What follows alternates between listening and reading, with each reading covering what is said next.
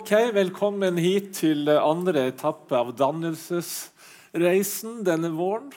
Eh, vi har litt tekniske problemer, i motsetning til det Dante hadde. Han hadde mange andre problemer, men ikke tekniske av denne typen da han skrev sin guddommelige komedie. Men her er det en powerpoint eh, på vei opp. Eh, temaet er jo dannelsesreise. Vi snakka sist en god del om reise. Da snakka vi om uh, Odysseen. Det er sikkert en god del her som ikke var der sist gang. Men det er en slags tråd vi tar opp der fra likevel.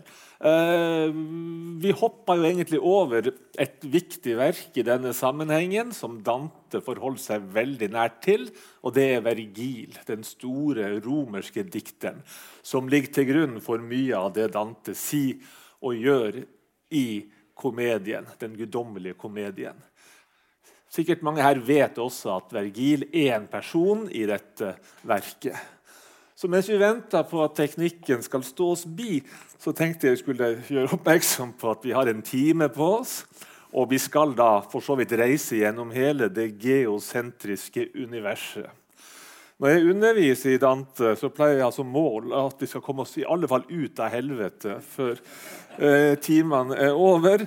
Jeg har et håp om at vi skal klare det her også. Som sagt, Dette er et stort verk. Det er et ensyklopedisk verk i en viss forstand. Eh, det er et slags epos. Og eposet som jeg snakka litt om sist, har ofte en ensyklopedisk eller en leksikonaktig kvalitet. Veldig mye skal med der. Alt det vi vet, i en viss forstand. Og Dante tar det også alvorlig. Han tar eposet som form fra den hedenske antikken og plasserer det midt i det kristne, katolske universet. Eh, det er alltid noen som tror at eh, den guddommelige komedie er en satire. At den handler om hvor dum religion og kristendommen er. Men det er jo slett ikke det. Komedie betyr her noe annet og veldig spesifikt. Eh, vi skal komme tilbake til det underveis. Og Guddommelig er for så vidt et adjektiv som blir hekta på verket, som Dante kaller for la comedia eh, en god stund seinere. Den er så god at den er guddommelig. Den handler jo om guddommelige ting, handler om skaperverket og i siste instans om det hellige, om Gud, om treenigheten. Eh, men det er også så fantastisk et verk at det er divino, eller la divina comedia. Divino, så guddommelig brukes på romanske språk fremdeles om noe som bare er fantastisk flott. Et lite inntrykk av mangfoldet tenkte vi skulle starte med. Jøss, yes, her er vi i gang. Eh, jeg skal lese begynnelsen av forordet som den store argentinske forfatteren Borges, Jorge Luis Borges eh, skrev til sitt verk om Dante. Han har en bok som ikke er oversatt til norsk, men som ville ha hett 'Ni essays om Dante'. Jeg skal bare lese den. Det er et fint bilde som gir et inntrykk av hva som venter oss. Det er spontan oversettelse, dette. Eh, la oss forestille oss i et østlig bibliotek et miniatyrtrykk som ble laget for mange århundrer siden. Kanskje er det arabisk, og de forteller oss at i dette trykket finnes alle historiene i hele 1001 natt representert. Eller kanskje er det kinesisk, og vi får vite at det er illustrasjoner til en roman med hundrer eller tusener av personer. I tumultene som disse formene viser, er det noen som kaller på vår oppmerksomhet. Et tre som ser ut som en kjegle snudd opp ned. Noen moskeer i brunaktig farge over en mur av jern. Og fra disse går vi videre til andre former. Dagen er på hell. Lyset blir svakere. Og idet vi fortaper oss i dette trykket, forstår vi at det finnes ingenting som ikke er omfattet av det. Det som var, det som er, og det som skal bli. Historien om fortiden og historien om fremtiden. De tingene jeg har eid, og de som jeg skal eie. Alt dette venter oss på et sted i denne rolige labyrinten. Jeg har diktet opp et magisk verk, et trykk som også er et mikrokosmos. Men Dantes dikt er dette trykket som er på størrelse med universet. Så i en viss forstand er det ingenting av det som har vært, det som er, og det som skal bli, som ikke finnes i dette store diktverket. Og der, ja, så Her er dannelsesreisen vi skal ut på. Der ser vi Dante i et litt senere maleri. Der ser vi byen Firenze. Der ser vi inngangen til inferno, eller helvete. Der ser vi begynnelsen på purgatoriet. Og hvis eh, bildet hadde utsnitt hadde vært litt større, så hadde vi sett planethimlene over purgatoriefjellet helt opp til den guddommelige himmelen. Og så ser vi selvsagt Dante med sitt verk i hånden. Dante er fremdeles aktuell. Han leses og han oversettes. Faktisk så kom det i fjor alene litt tilfeldighet og en liten overraskelse også. To nye norske oversettelser av første del av den guddommelige komedie, 'Inferno'. Inferno. Eh, av eh, to ulike forfattere, eh, oversettere. Eh, Eirik Ringen og Asbjørg Bjørnes. I fjor kom av samme grunn også tidsskriftet Vagant. Vi kan jo snakke litt om bøker og tidsskrift, siden vi er i et bibliotek, med et spesialnummer om Dante, som diskuterer særlig den ene av de to nye oversettelsene, og har mange originale og oversatte eldre bidrag. Så det vil jeg anbefale alle som er interessert i å lese videre om Dante. Litt oppdatert eh, antologikunnskap. Her ser vi faktisk Dette her det er midt i helvete. Dette her er beina til djevelen. Og så ser vi Vergil som klatrer med Dante på ryggen. En original illustrasjon av Anders Tøpfer, som er en dyktig illustratør. To bøker til, eh, så skal vi gi oss litt med akkurat dette mangfoldet.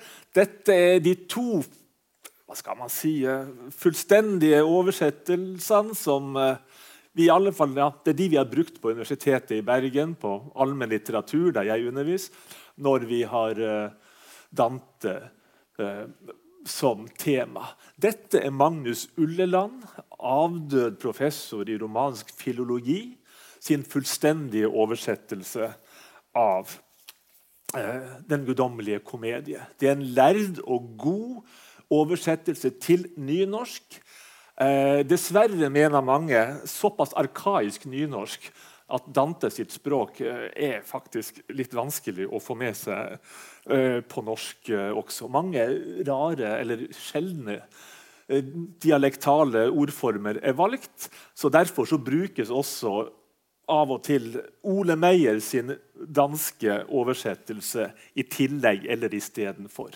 De er meget gode, meget lesverdige begge to. Eh, jeg har stor sans for Ulleland sin og anbefaler den til alle som er vant til å lese litt arkaisk nynorsk. i alle fall. Flott noteapparat er det på begge to. Og Det finnes mange andre oversettelser til skandinaviske språk, noen flotte på svensk også. Det er jo det som er så fint med klassikerne, de virkelig store klassikerne, at de finnes i så uendelig mange versjoner. Så det er nesten, men bare nesten, en fordel å ikke kunne italiensk. 1300-talls italiensk, for Da får man så uendelig mange ulike versjoner av dette i utgangspunktet svært rike diktverket. To Dante-portretter. altså Vi kan jo foregripe litt. Vi er seint i middelalderen, helt på grensen til renessansen. Vi er i Firenze. Vi er før og etter året 1300. Der ser vi et kjent portrett, to kjente portrett av Dante. Her er et relativt ungt eh, freskemaleri, utsnitt av en freske i en av de store, flotte kirkene i Firenze, som viser Dantes profil. Han avbildes som oftest i profil. og Den er jo særdeles karakteristisk, eh, må man kunne si. Der den unge og litt milde utgaven, og der den litt eldre og strenge. Dette er altså eh, Giotto, en av de store tidlige renessansemalerne, som var ung nok, eller gammel nok, til å ha opplevd eh, Dante, sett han, eh, selv om han er atskillig yngre enn Dante. Dette er av Botticelli, en senere og også stor eh, renessansemaler, som har ikke bare malt Dantes portrett, men som også har illustrert eh, noen eh, kjente utgaver av Den guddommelige komedie. Så bare et lite titt inn i dette universet før vi rammer det inn litt tydeligere. Her er to av eh, Botticelli sine illustrasjoner til Inferno. De flotteste og mest spennende illustrasjonene er som oftest til Inferno. Eh, og ikke til de lysere delene. Eh, så her ser vi Inferno. Inferno er helvete, selvsagt. Her ser vi det på en måte et snitt. Dette blir da midten av jorda. Og så ser vi at Dantes helvete er en slags trakt. En sjakt, en helvetessjakt, der synderne havner på ulike nivå, helt ned til sentrum her. Og i sentrum som vi skal komme tilbake, ser vi på en måte de drysser bare nedover. Det blir bestemt omtrent hvor langt de skal ned, men altså, de er fortapt. Så de detter så langt som de skal dette, og så er de stuck der for alltid. Og midt i jorda, i sentrum av jordkloden, som jo også er sentrum av universet, siden universet er geosentrisk, og det betyr at jorda er sentrum. Vi er lenge før Kopernikus, mange hundre år. Der finnes, Vi ser det kanskje, det maleriet er litt avskalla. Der er djevelen, eller Lucifer. Han står fast midt i jordkloden. Og det vil si midt i universet. Hvorfor han gjør det, skal vi komme tilbake til. Uh, vi skal ikke foregripe altfor mye. Vi må ha en liten ramme rundt dette hvis vi skal være dannet nok uh, på vår reise. Dante har et forfatterskap som omfatter atskillig mer enn komedien, La Comedia men den er desidert mest kjent. Han har noen tidligere dikt til sin store flamme, som døde veldig ung, og som han knapt nok hadde sett, og i alle fall ikke kjente, Beatrice. Han har skrevet en sonettsyklus med kommentarer som heter Vita Nuova, Det nye liv. Og han har skrevet en del dialoger og sakprosa. Og han har ikke minst gitt et bidrag til å få det italienske folkemålet satt på system. Han er i en viss forstand ikke bare den største dikteren eh, Italia har, men han er også en slags Italias eh, Ivar Aasen. Det er faktisk Dante som med den guddommelige Han skrev på latin også. Hovedspråket var latin fremdeles, det litterære. Men han skriver da et enormt diktverk. Et religiøst og verdslig diktverk på samme tid på sitt toskanske morsmål. Og det blir grunnlaget for moderne italiensk. Noen tror, eller Det blir sagt at det er så vanskelig å lese Dante. Dante er litt gammelmodig på italiensk. Men det er likevel så moderne og så innflytelsesrikt at det er fullt mulig eh, med normale lesekunnskaper på italiensk å få ganske mye utbytte av å lese, eh, av å lese komedien. Så det er ikke et høytsvevende, voldsomt stilisert diktverk etter datidens standard. Det er rett og slett veldig mye folkelige uttrykk og veldig mange konkrete observasjoner som er henta fra Dantes samtid. Fra landskap han kjente, fra folk han kjente, fra daglige gjøremål og det ene med det andre. Så det er en gullgruve også rent språklig og litterært. Eh, komedien eh, ble skrevet eh, tidlig på 1300-tallet. Den består av 100 kantos. Gamle epos ble jo gjerne delt inn i kantos eller sanger. Etter hvert, i alle fall. Odysseen er delt inn i 24. Vergil sin Eneide delt inn i 12. Dante fleska til, holdt jeg på å si, med 100 sanger til sammen. De er delt i tre deler, såkalte kantikaer. En kantika består av 33 kantos. og Det er da de som vi kjenner, som har fått navn etter det området de foregår i, i det hinsidige. Inferno, purgatorio, paradiso. Altså helvete og skjærsilden, eller skiringsheimen, som Ulleland kaller det, og paradiset. Eh, og alle vet jo at 33 ganger 3 ikke blir 100, men 99.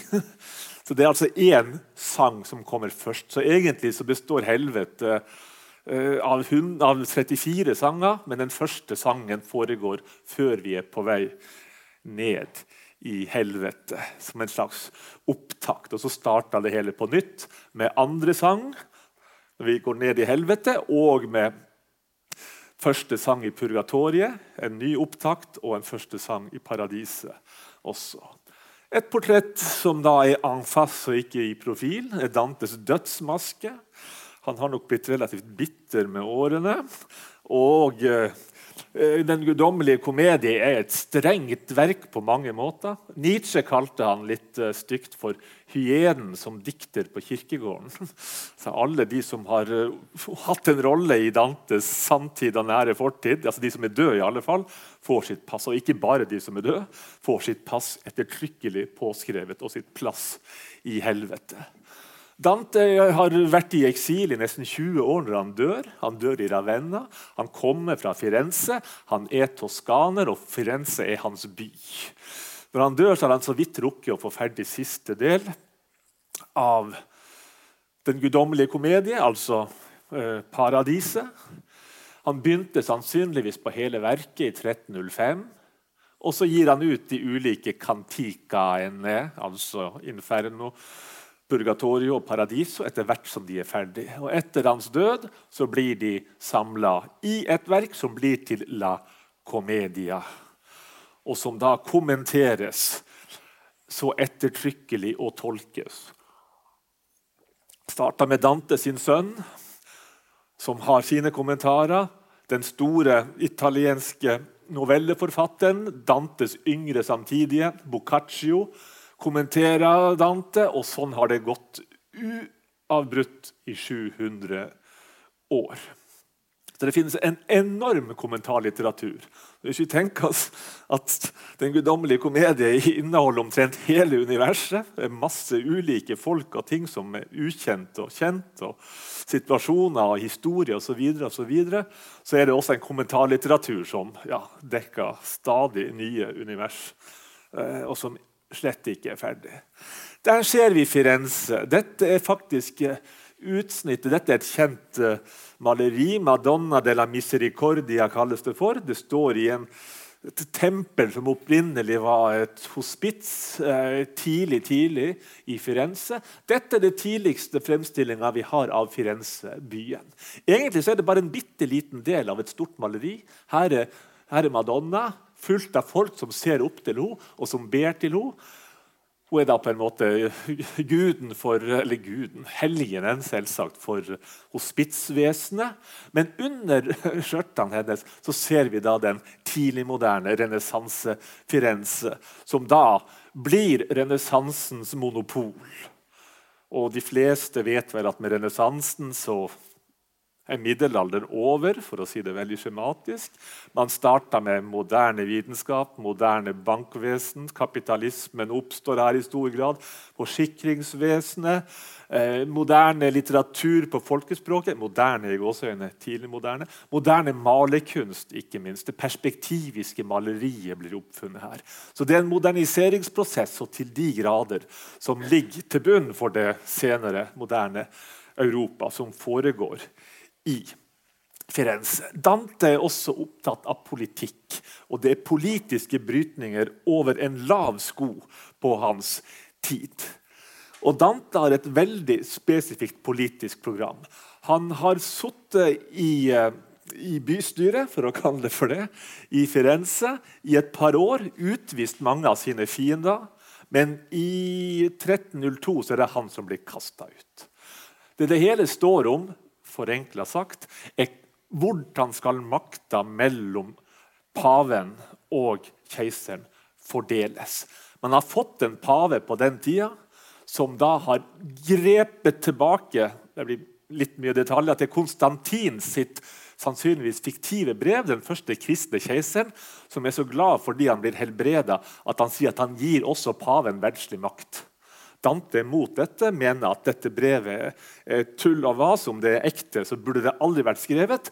Fordi at da ødelegger man den harmonien som skulle finnes i imperiet. Dante er sterk tilhenger av imperiet, men keiseren skal ha all makt over det verdslige, og paven skal ha alt makt over det åndelige. Det er en uh, finurlig logikk i dette. Begjæret stilnes dersom uh, den mektigste personen har all makt over sitt område.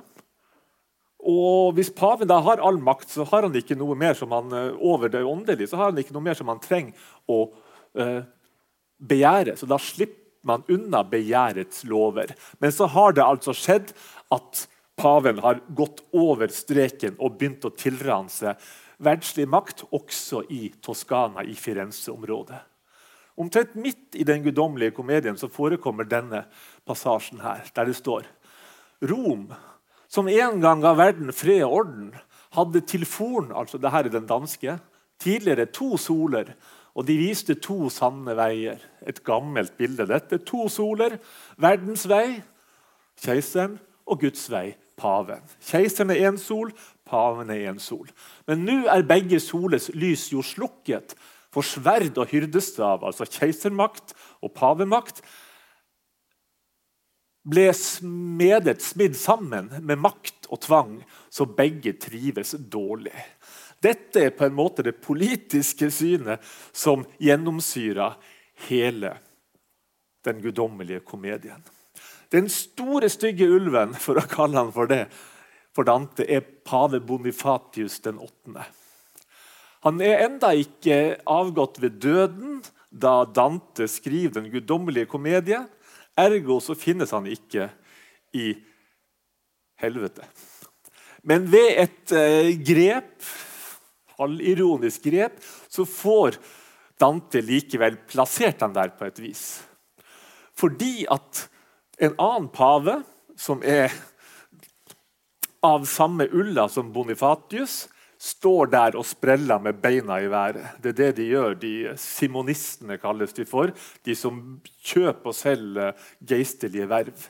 Og så tror da denne paven, Nikolas 3., at Dante er Bonifatius 3.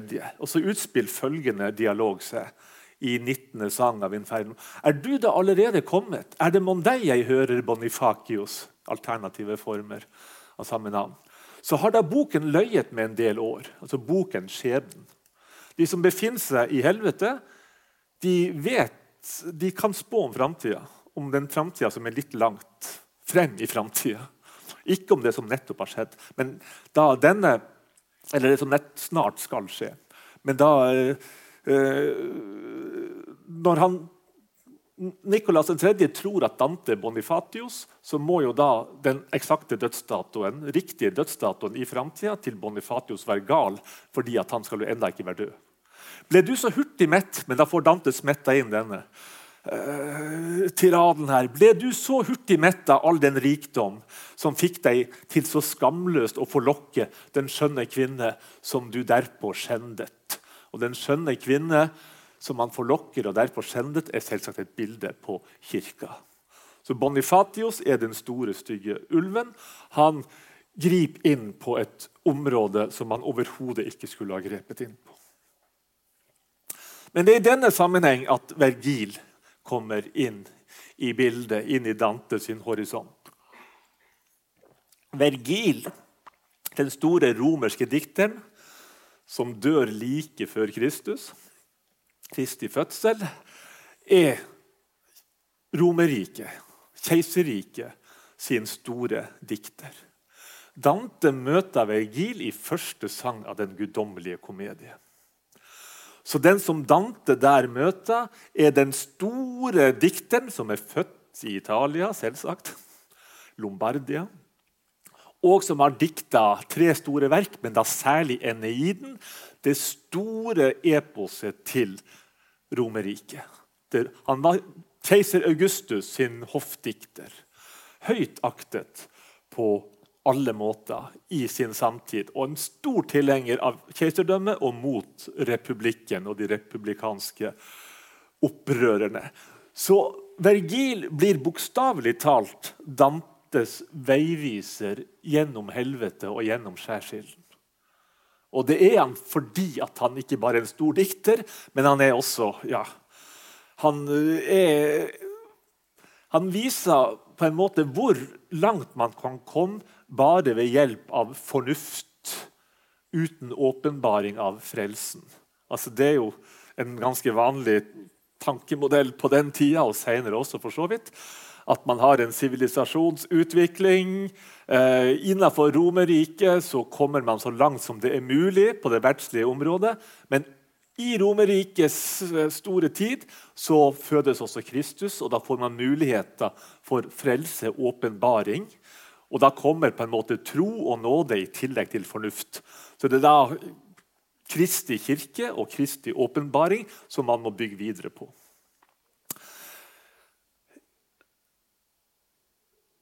Så en kort beskrivelse da i første sang eh, av denne skikkelsen som dukka opp og åpenbara seg for Dante.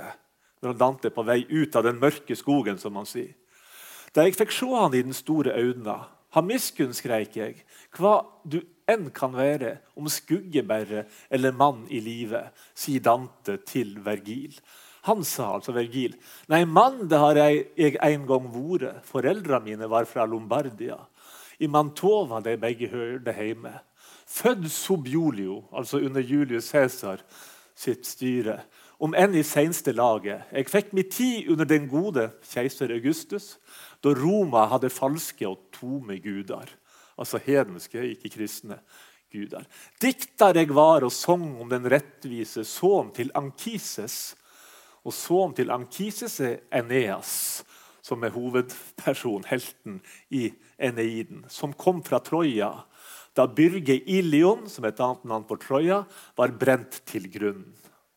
Snakka litt om det sist. Eh, de homeriske epos handla om Trojakrigen. Odysseen handla om hjemreisen fra Trojakrigen. Eneiden til Vergil handla om de tapende partene, trojanerne, som flykta fra Troja, havna i Italia og grunnlegger Romerriket. Så Eneiden, Vergil sitt store verk, handler om hvordan Romerriket blir grunnlagt av flyktende trojanere. Og Dante snakka en god del om dette i begynnelsen av Den guddommelige komedie. Altså er du Vergil, osv. Så, videre. så dette her leder fram til avsløringa. Det er Vergil Dante møter. Eh, Vergil, Eneiden. Vergil sitter med manuset til Eneiden og har to muser for tragedie og for eposdiktning stående ved sin side. Jeg har tatt med for interessens skyld den ruta som beskrives i Eneiden. Her drar trojanerne, Eneas og familien og mennene hans fra Troja. Og drar de den samme ruta som Odyssevs dro, mer eller mindre. Er innom mange av de samme stedene. Så havner de i Kartago eh, pga. uvær. Og så er de innom da Kome i Italia, og så ender de opp da ved siden av der hvor Roma skal grunnlegges. De er utsatt for storm og uvær, sånn som eh, Odyssevs også var i Odysseen. Eh, det er sånn de havna i Kartago. Det er sånn eh, Eneas har sitt eventyr med Dido, den berømte Dido-tragedien som holder han igjen en stund før han drar over til fastlandet. Han drar en tur ned i underverdenen i sjette sang, og det snakker Dante også om. Og så får Eneas et flott, stort skjold som han skal bruke i kampene senere i verket. Og så ender det hele med at Eneas dreper Turnus, den mektigste fienden han har. Og når det slaget er over, så er på en måte begynnelsen på Romerriket et faktum. Så I løpet av Eneiden har vi fått fortalt forhistorien til Romerriket.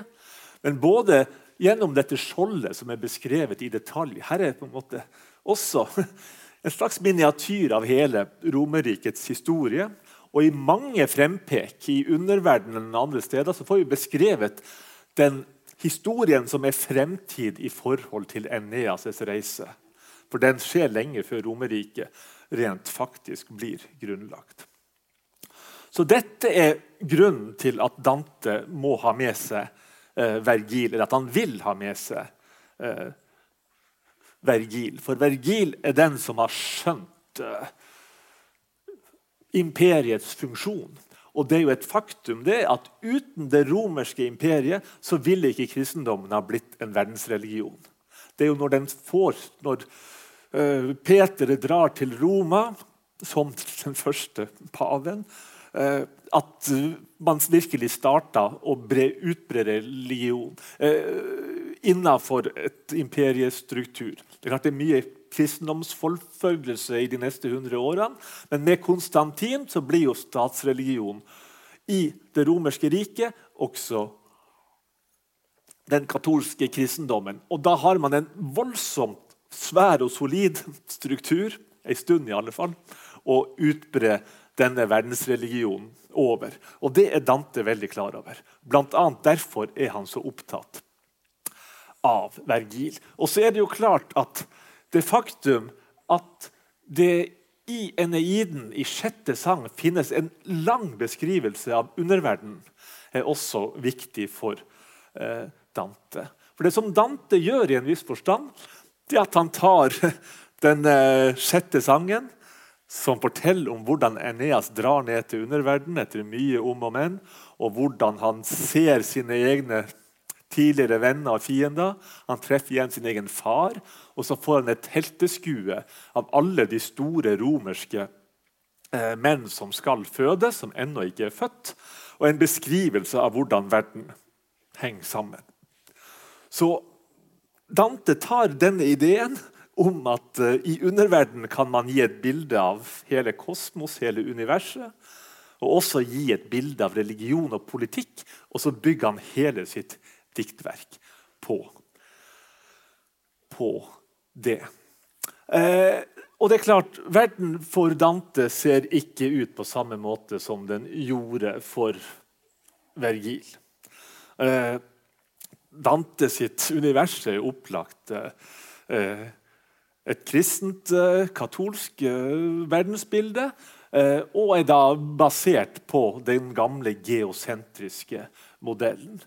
Og den er veldig viktig eh, for datidens eh, kristne. Det å forstå hvordan universet er skrudd sammen, er å ja, forstå hvordan skaperverket ser ut, og hvilken plass man har i det. Alle sammen vet jo at det skjer store revolusjoner i måten man oppfatter verden på eh, i moderne tid, altså noen hundre år etter Dante. Men uh, likevel så er ikke det sikkert at detaljene uh, er helt klart for, uh, for samtlige. Og, så, eller konsekvensene. Altså, hva vil det si at man oppfatter universet så forskjellig fra det vi gjør? Det er jo vanskelig å forestille seg. Vi er jo på en måte sjøl fanga i vårt eget uendelige univers. Eh, og han selvsagt det som forutsetning når vi skal prøve å forestille oss noe annet. Men vi kan gjøre et lite forsøk. Så Universet er ikke uendelig. Det er ikke en uendelighet av stjerner og planeter for Dante. Universet er endelig i uh, utprega radikal forstand. Jorda er i midten. Og Når jorda heter jord, så er det fordi at jorda er jord. Jorda er ikke vann. Mennesket bor på jorda. Mennesket skal egentlig ikke ut på sjøen og seile. Der har det ingenting å gjøre. Det finnes mange traktater om det, og hvor dumt det er, og hvor velfortjent det er hvis folk går til grunne på sjøen. For de skal egentlig ikke være der. De har ikke noe der å gjøre. Vi skal ha fast jord under føttene. Og Utafor jorda finnes det vann. Utafor vannet finnes det luft. Og utafor lufta så finnes det eh, ild. Og Det er på en måte logikken i det hele. Så jorda finnes her. Og midt i jorda så finner vi da også eh, ja, djevelen. Eh, den store, onde eh, engel.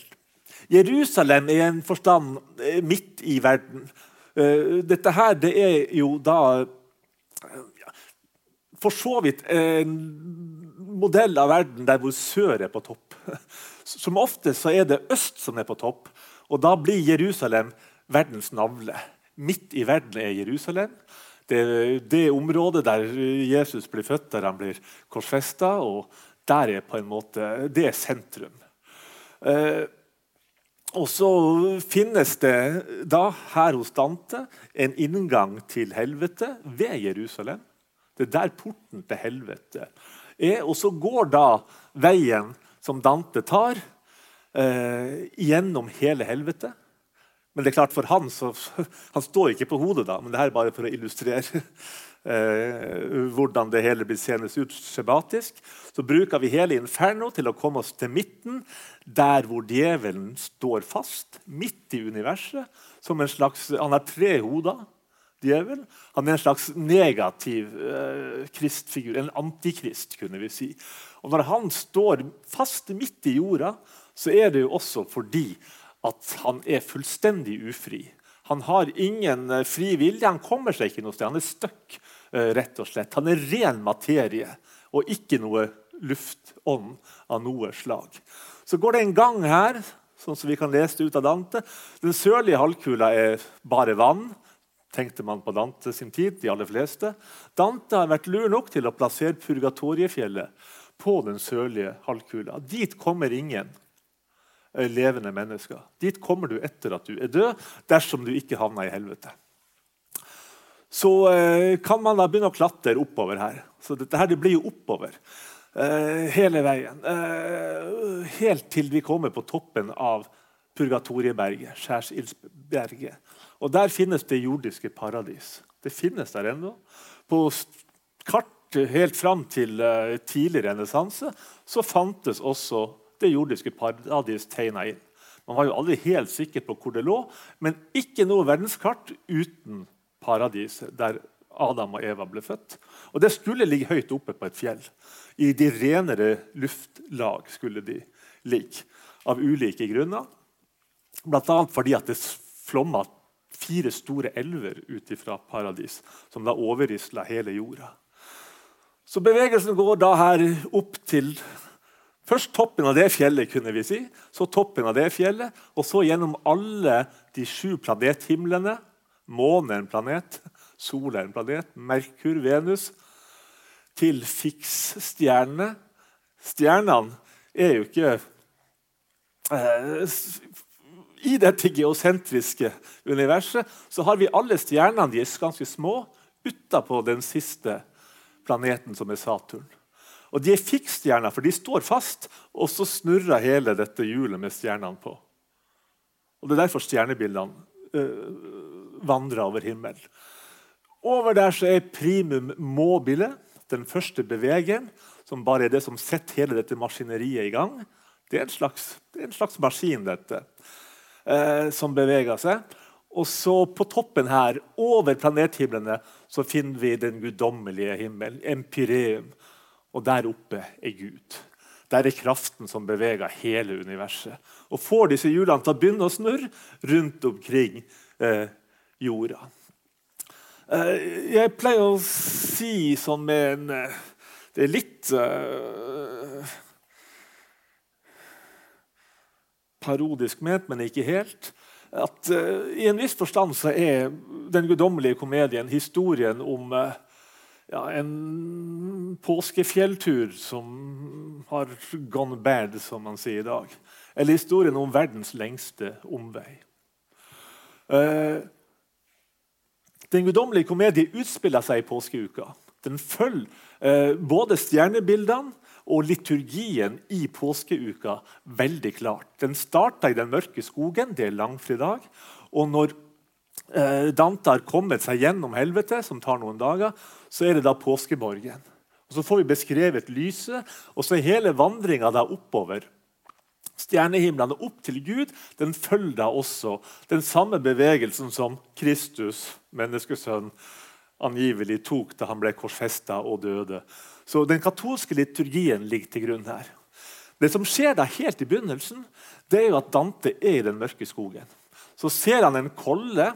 Det heter kolle på italiensk også. Som er bada i lys. Og Siden han er på vei ut av den mørke skogen, så ser han den lyse toppen. og Så vil han opp dit, men så er veien sperra av tre ville dyr. Så møter han Vergil. Og så sier Vergil vel, vi kommer oss ikke den veien. Så må de ta en omvei til en annen topp. Og da, Vi ser jo helvete i en viss forstand et omvendt fjell. Så de klatrer på en måte først eller ned eller opp i helvete.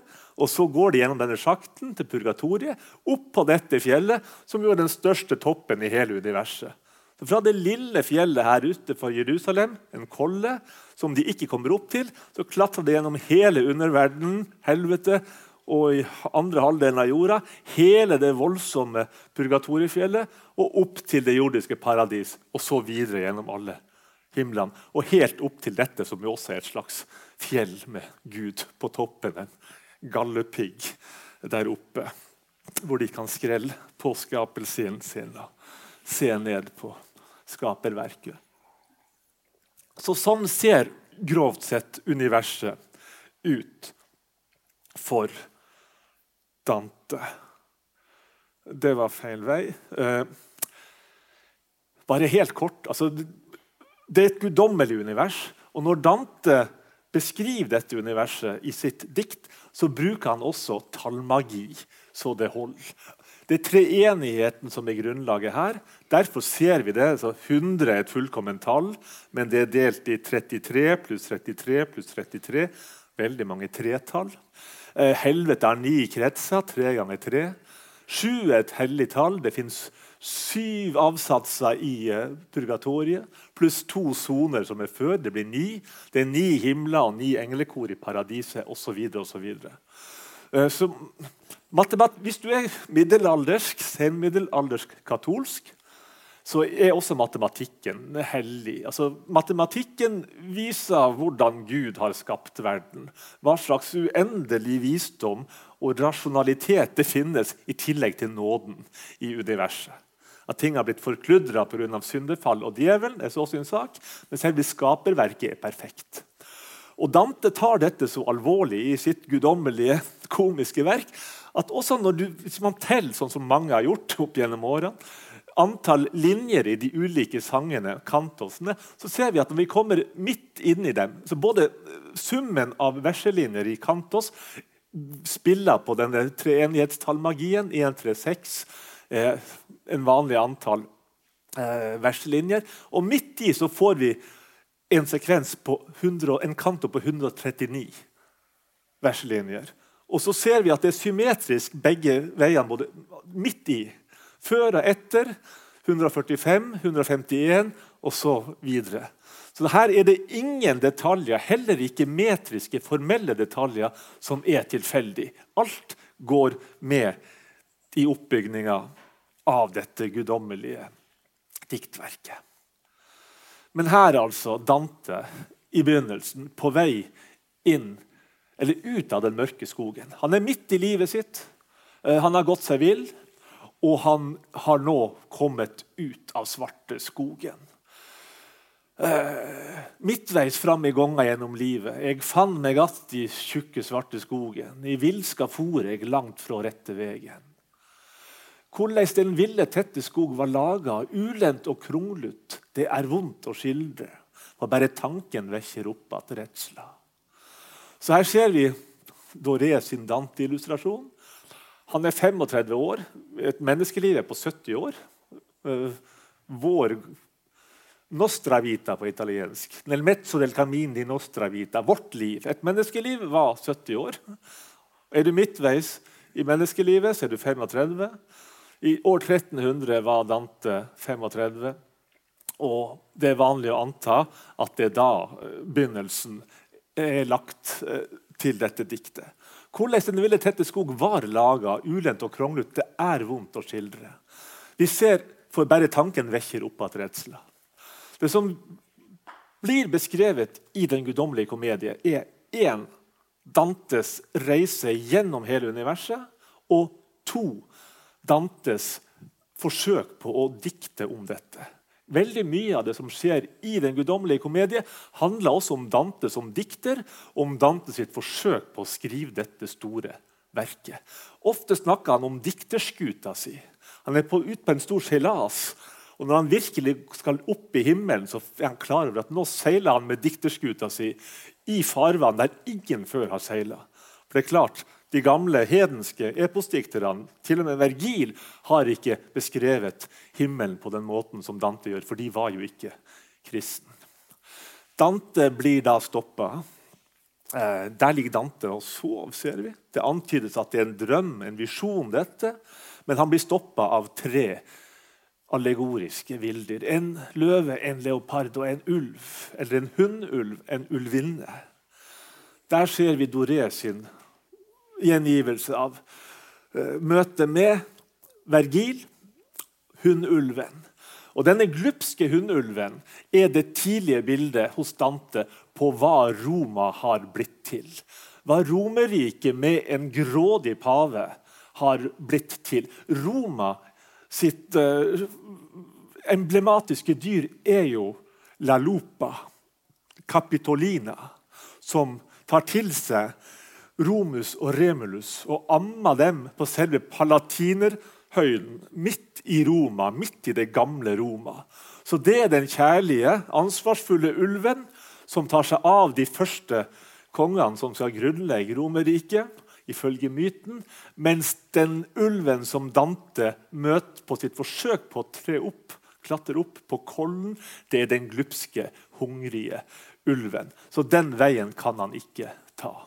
Derfor tilbyr Vergil han å ta han med på en annen vei, opp til en annen topp. sier han. Dante er jo litt i tvil. Skal han virkelig tørre å dra med Vergil gjennom hele skaperverket, gjennom underverdenen? Han sjøl er jo ikke noen Eneas, han er jo ikke noen helt. Og han, ja, han er ikke noen Paulus. Paulus har jo også vært nede i dødsriket. Så Da får vi høre historien fra Vergil sin munn om hvordan hele det guddommelige apparatet har blitt satt i sving for å sende Vergil ut for å hente Dante. Det er Beatrice, hans uh, madonnaskikkelse, hans opphøyde kjærlighet oppe i himmelen, som ved hjelp av Rakel og jomfru Maria og Santa Lucia har fått Vergil til å hente Dante. Og da blir Dante med, for da skjønner han at det er ikke bare Vergil som har funnet ut at dette er en god idé. Vi må nok steppe opp tempoet litt, selv om det ikke går fort nok igjennom skuggeheimen. Lasciate oggi speranza. Her er de i tredje sang på vei inn i helvete. La alt håp fare. Lasciate ogni speranza voi che entrate. La alt håp fare, dere som her stiger inn står det. Og det er da det emblemet som står over inngangen til helvete. Før de drar over Akeron til det virkelige helvete, så kommer de til de likegyldige. Vi får beskrevet straffen til alle. Og De likegyldige det er de, de som ikke engang får slippe inn i helvete. De er ikke engang skikkelige syndere. De har ikke brukt sin kraft, sin vilje, en gang til å begå det onde. Og det som de her tvinges til å gjøre, De vil jo ha det behagelig selvsagt i sitt uh, verdslige liv. Ikke ha noen utfordringer, ikke ta noen sjanser. Så her har du det så ubehagelig som du kan tenke deg til. Her er det makk og gjørme og bier og det ene med det andre. Og så går de, de som aldri tonet flagg, de går da under banneret til de likegyldige. Og Der marsjerer de fram og tilbake. De får ikke slipp inn i helvete, for de er så lave at hvis de slapp inn i helvete, så vil det se ut som om de virkelige synderne faktisk hadde mer ære enn disse. Da vil de få litt ære, de synderne som er i helvete, som ikke skulle ha vært der. Dante ser en, en person der som han syns han kjenner igjen, og det er pave Celestinus, Celestinus, som var den som fratredte sitt embete etter bare noen uker, sånn at den forhatte Bonifatius kunne ta embetet. Så han finnes der. Her ser vi eh, de døde synderne på vei over elva Akeron. Her drives de av en vilje og et ønske om ikke annet til å komme seg over elva. Eh, de vil ikke være der blant de likegyldige i helvetes forgård. Her er de på vei i Karons båt over elga Akeron, som bladene om efteråret faller, ett og ett fra grenene. Så stammen til sist må se sitt løv spredt ut på jorden. Således ses de bryte opp fra stranden, én efter en av Adams onde avkom, på givet tegn, slik falken følger kallet. Som løvet dett om høsten fra trærne, og som falken følger kallet av lokkedua, så strena de mot båten. Begge disse bildene her har Dante stjålet fra Vergil sin beskrivelse i helvete. I fjerde sang av helvete så befinner vi oss på den plassen der Vergil egentlig hører hjemme. Der bor de bl.a. de edle hedningene.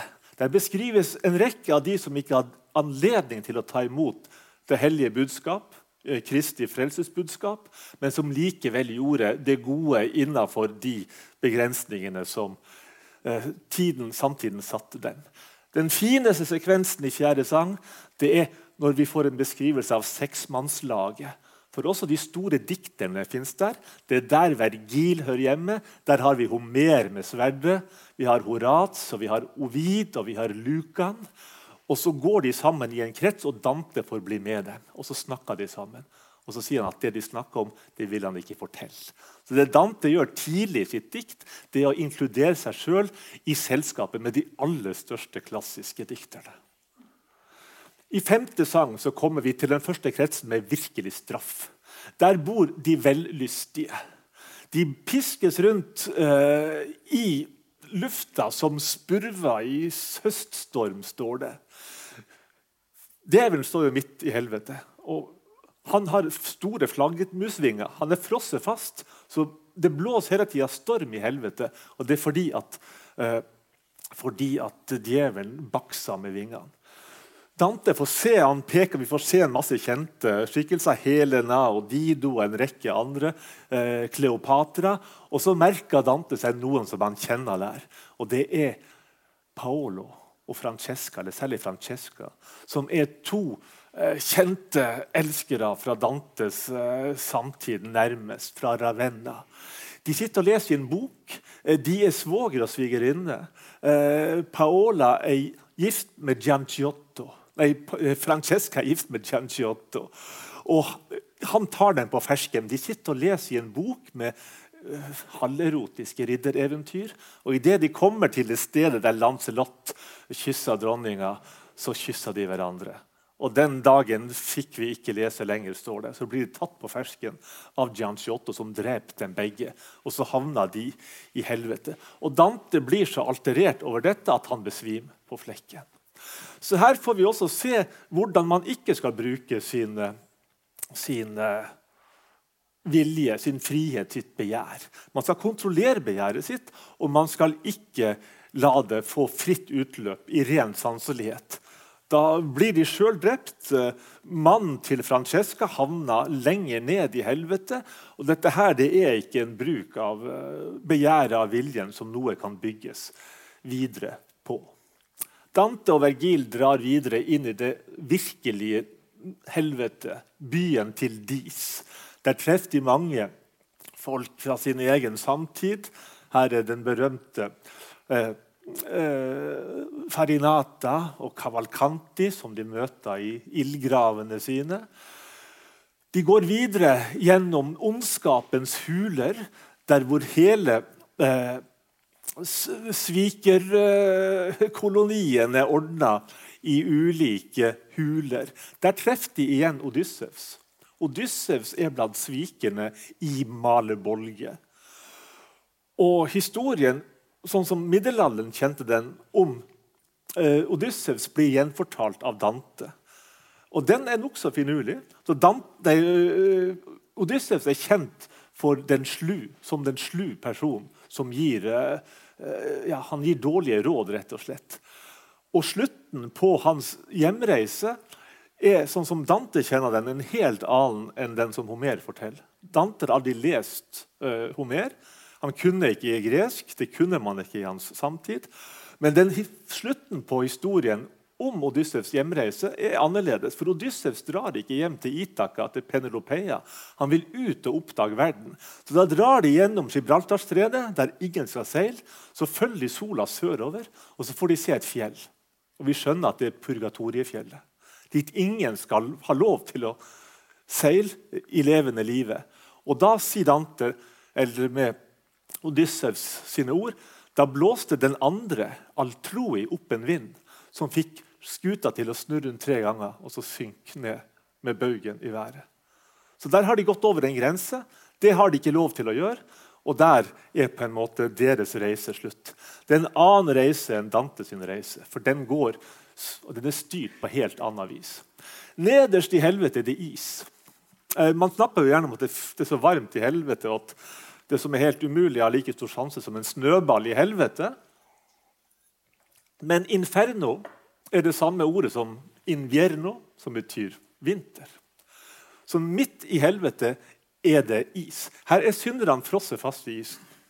Og det er på en måte den aller verste straffen du kan få. Der har vi Ugolino, som sannsynligvis har drept og spist sine barn. Han får sin straff beskrevet. Her sitter han og spiser på bakhodet til Rogieri, som sperra Ugolino og barna inne i falketårnet, helt til barna døde av sult. Og så antydes det muligens at Ugolino helt til slutt ikke klarte å motstå fristelsen. At han faktisk åt sine egne barn. Og Det er slektssvikene han har havna blant. Det sies ikke rett ut, og det har vært diskutert i hundrevis av år. Spiser han dem, eller spiser han dem ikke? Det er en, en del av kunsten det å ville antyde at her kan det ha skjedd. Aller nederst, altså djevelen, frosset fast i isen. Han spiser på én synder i hver munn. Dante var som sagt meget opptatt av imperiet, tilhenger av keiseren. Det finnes ingen keiser i hele helvete. Ingen, ikke engang Nero, som forfulgte de kristne, er plassert i helvete. Fordi de var tross alt romerske keisere. Og de tre største synderne spiser eh, djevelen på. Her har han tre hoder, én i hver munn. Den ene er selvsagt Judas, den største svikeren av dem alle. Men de to andre er rett og slett Brutus og Cassius, de to som drepte den første romerske keiseren, Julius Cæsar. Og Her klatra de ned. Nå skal de videre. Og Vi får beskrevet på finurlig vis en, finnes en del groteske innslag hos Dante også, og en del nokså lav humor. Det finnes noen uh, anale trompetfanfarer fra djevlene også. Og her skjønner vi at det som er midt i hele universet, er fandens uh, røvhull, for å si det på dansk. Eh, så her klatrer de ned, og så plutselig så må de snu seg. for de er i midten av jorda, og Så begynner de å klatre opp igjen. Og Så ser de ned, og så ser de djevelen sine føtter stå rett opp i været. Og så står det jeg løftet blikket nok i den forventning at Lucifer sto som da vi forlot ham, men så nå at hans ben stakk opp i været. Og hvis jeg ble forvirret, er det intet mot de ukyndige som ikke fatter hva for et punkt jeg der hadde passeret. Og Dette punktet som du passerer midt i universet, er jo da finurlig antyda rett og slett fandens røvhull. Der kommer de ut. Og nå må vi bare klikke oss litt videre. Her er purgatoriet. Vi har kommet oss ut av helvete. Det er ikke helt uh, riktig sånn ifølge beskrivelsene i komedien, men her kommer de ut. De følger en bekk, og så går de gjennom den gangen. Og så ser de da Her er de ved stranda til purgatoriet. Her kommer det en båt som er drevet av en erkeengel sin vingekraft med de syndere, altså de som skal frelses. Dette er døde sjeler som kommer med båten. De skal ikke rett opp til himmelen, men de skal via purgatoriet. Det finnes et antepurgatorium. Eh, Dante og Vergil vasker av seg skiten de har fått fra helvete, eh, nede ved vannkanten der og knytter et sivstrå som skal være det føyelige, ydmyke kristne symbolet til seg. Så starter vandringa igjennom gjennom purgatoriet. Eh, først er det et par avsatser antepurgatoriet, og så inn i det virkelige purgatoriet. Der skal synderne renses, de som har begått, de som ikke har vært syndfri, skyldfri, men som da trenger å utsone sin straff. Der ser vi dem vaske av seg ved, ved, ved vannet. Ved, og der er de på vei over i opp gjennom fjellet her. Så mens folk bare drysser ned gjennom helvete, så må du i purgatoriet måtte klatre og gjøre en anstrengelse for å komme deg hele veien. Her har Dante sovna. Han drømmer at han blir båret opp av en ørn. Han kjenner sollyset, tror at sola har stått opp. Men så er det Santa Lucia som har grepet inn og som bærer han oppover oppsatsene. Dette er William Blake, den store, visjonære engelske romantikeren, som har tegna, malt flotte illustrasjoner, han også, til den guddommelige komedien. Dette er Doré igjen. Her kommer de til en erkeengel som da skal gi dem sakramentet. Her er tre avsatser, ett for hver av sakramentene. Han tegner tre, syv p-er i panna til Dante, én for hver av dødssyndene. Og hver P skal da viskes bort på veien gjennom purgatoriet. I andre krets av purgatoriet kommer Dante dit han skjønner at han sjøl kommer til å havne til slutt.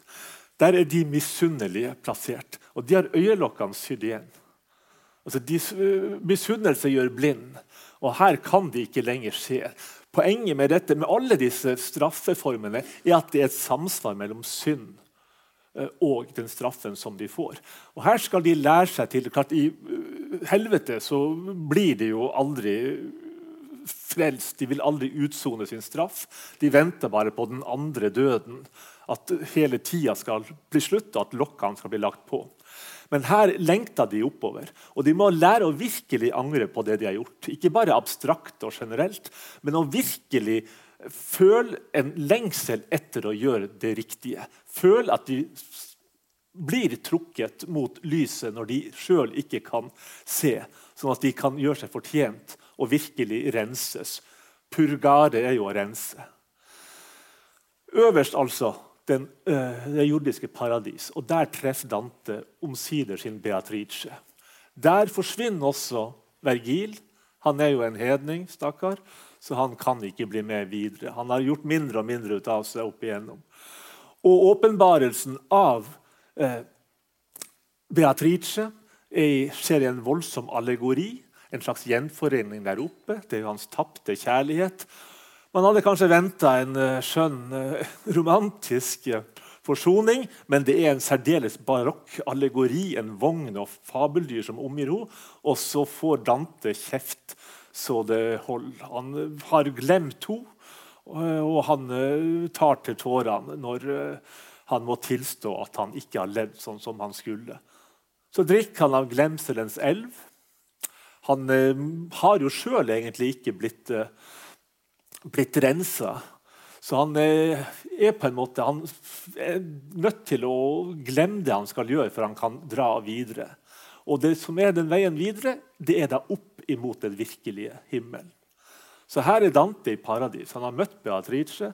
Han er i en viss forstand kommet til målet for sin reise, og så skal han da videre opp, kanskje for å utforske dette målet. Og da starter reisen gjennom alle himlene og helt opp til Empyreum. Og Her ser vi et annet univers. Her er alt harmoni. Alt det vi møter her, er ulike konstellasjoner. Og Vi får se hvordan skaperverket fungerer når det virkelig fungerer sånn som Gud bestemte at det skulle fungere. Når det ikke er pletta av menneskelig synd.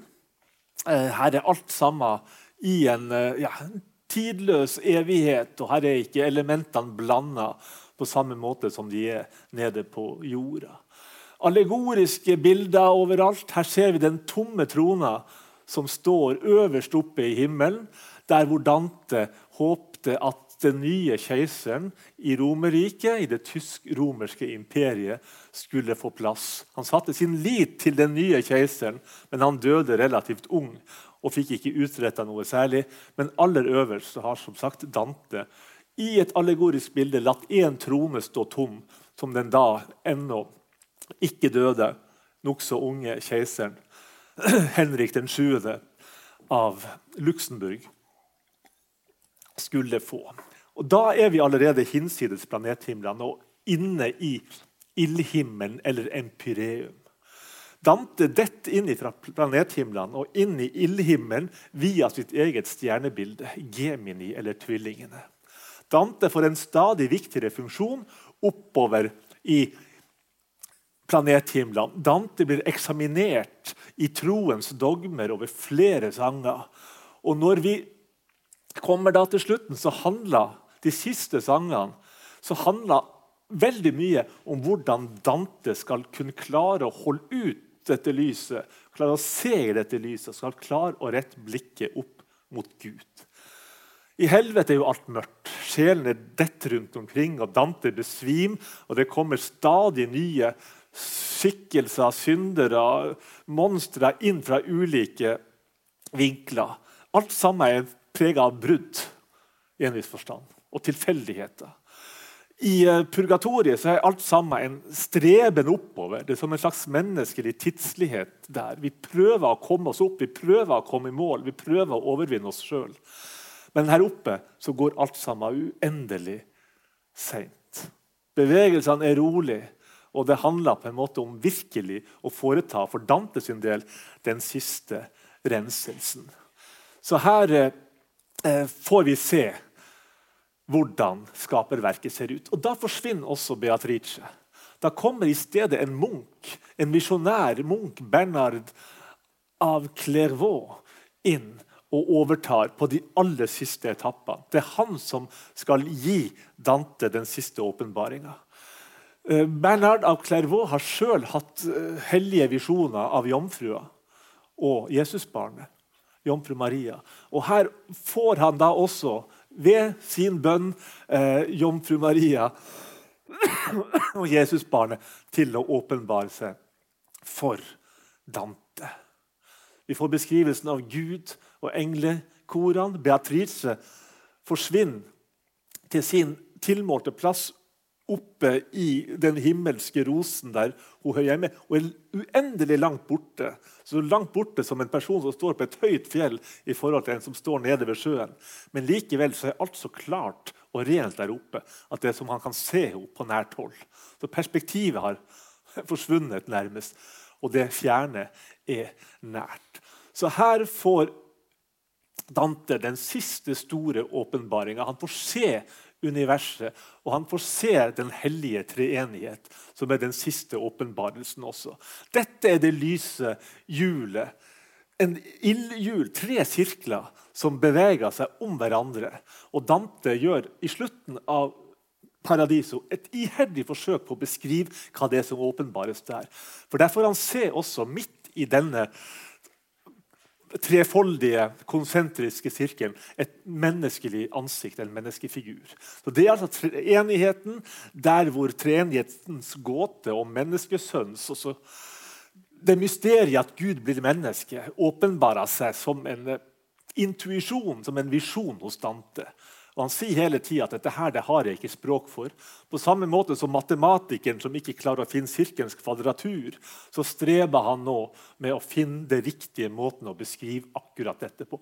Og der slutta faktisk den guddommelige komedie. Mens Dante er på toppen av hele universet og står konfrontert med treenigheten som har styrt hele vandringa, styrt hele verket, så slutter han med at han ser den kraften, sier han, som styrer eh, solen og de andre stjernene. Il sole e le altre stelle. Alle tre kantikene slutta med samme ord. Stelle eller stjerner. Og det er på en måte hans siste ord. Så Der er Dante sin dannelsesreise ferdig. Vi får ikke vite hvordan han kom ned igjen. Men det vi vet er at det er en stor forskjell på den Dante som vi møtte i begynnelsen. Søvndrukken, har gått seg vill i den mørke skogen, håpløst. Ingen sted å gå. Veien sperra og Dante, som nå har fått klarhet i hvordan skaperverket ser ut. Og har fått da en direkte opplevelse av Guds kraft og kjenner seg sjøl berørt av den samme kraften som berører og driver hele universet, solen og de andre stjernene. Og Det er jo da selvsagt noe av den kraften vi må forstå, som da går med til å skrive den guddommelige komedien. For Han har selvsagt ikke skrevet komedien han har reist hit, men da er han omsider i stand til å skrive et verk som dette. Aller siste spørsmål. Hvorfor er dette en komedie? Den er jo litt komisk, ja.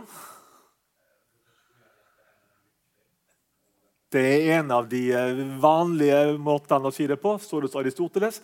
Det begynner mørkt og ender lyst. Det begynner om, omslag fra ulykke til lykke, kunne vi si. I tillegg er det skrevet i et relativt lavt språk. Så er folkespråket Dante sin egen dialekt, ikke latin. Men Dante sier også et sted i komedien så kaller han Eneiden til Vergil for l'alta tragedia, eller tragedia. Den høye tragedien. Så han kaller da eh, eposet, det romerske imperiale keisereposet, for en tragedie. Så det som er sluttpoenget mitt her nå, det er at vel, kristendommen er i en viss forstand en komisk religion. Uh, og Det er ikke sagt i odiøs forstand, man kan gjerne tolke det sånn hvis man vil. Men Jesus ble jo oppfatta som en narrekonge. Altså, han er jo født i en stall, så han skal være konge. I det romerske imperiet så er det en vits. Uh, han blir korsfesta som en uh, slave straffemåten for slave. Han får en tornekrone altså, på seg, som er krone hans. Han får et septer, som er en kjepp. Kledd i purpurkappe, som om han skulle være en konge. Så skriver de inn i Jesus Kristus, jødenes konge. Alt dette er jo vitsing, mer eller mindre. Eh, så det, I den forstand så utbres da budskapet blant de lave, som gjerne opptrer i komedien i den klassiske diktninga. Men i tillegg så er jo kristendommen også som en stor fortelling også en fortelling om hvordan vi arme syndere ved Jesu offer osv. har mulighet til å bli frelst. Og I dette virkelig store bildet så er også Eneiden, selv om den ikke ennå eh, tragisk som diktverk, en tragedie. For vi ser jo hvor eh, Vergil havna. Eneas finnes også i den samme området i fjerde sang. Altså, de har ikke tilgang til frelse. Så Ergo så er tragedien i en viss forstand alt som er før Kristus, er en tragedie for de som opplevde det. Og alt som er etter Kristus, er en komedie, i alle fall for de som tar imot Kristi budskap. Så Derfor så blir komedien også det grunnleggende uh, uttrykket, den nye sjangeren for det kristne Europa, for den kristne litteraturen. Så vi er på overtid. Eh, beklager, men vi kom oss nå i alle fall ja, ikke så mye på overtid, men uh, vi kom oss i alle fall faktisk helt opp til uh, treenigheten og ildhimmelen, sjøl om det gikk litt kjapt på slutten. Så dette var da hele kosmos og hele den guddommelige komedien på litt over en time. Så får vi se om det blir noe mer til, til høsten. Det vil tiden vise. Men takk for oppmøte.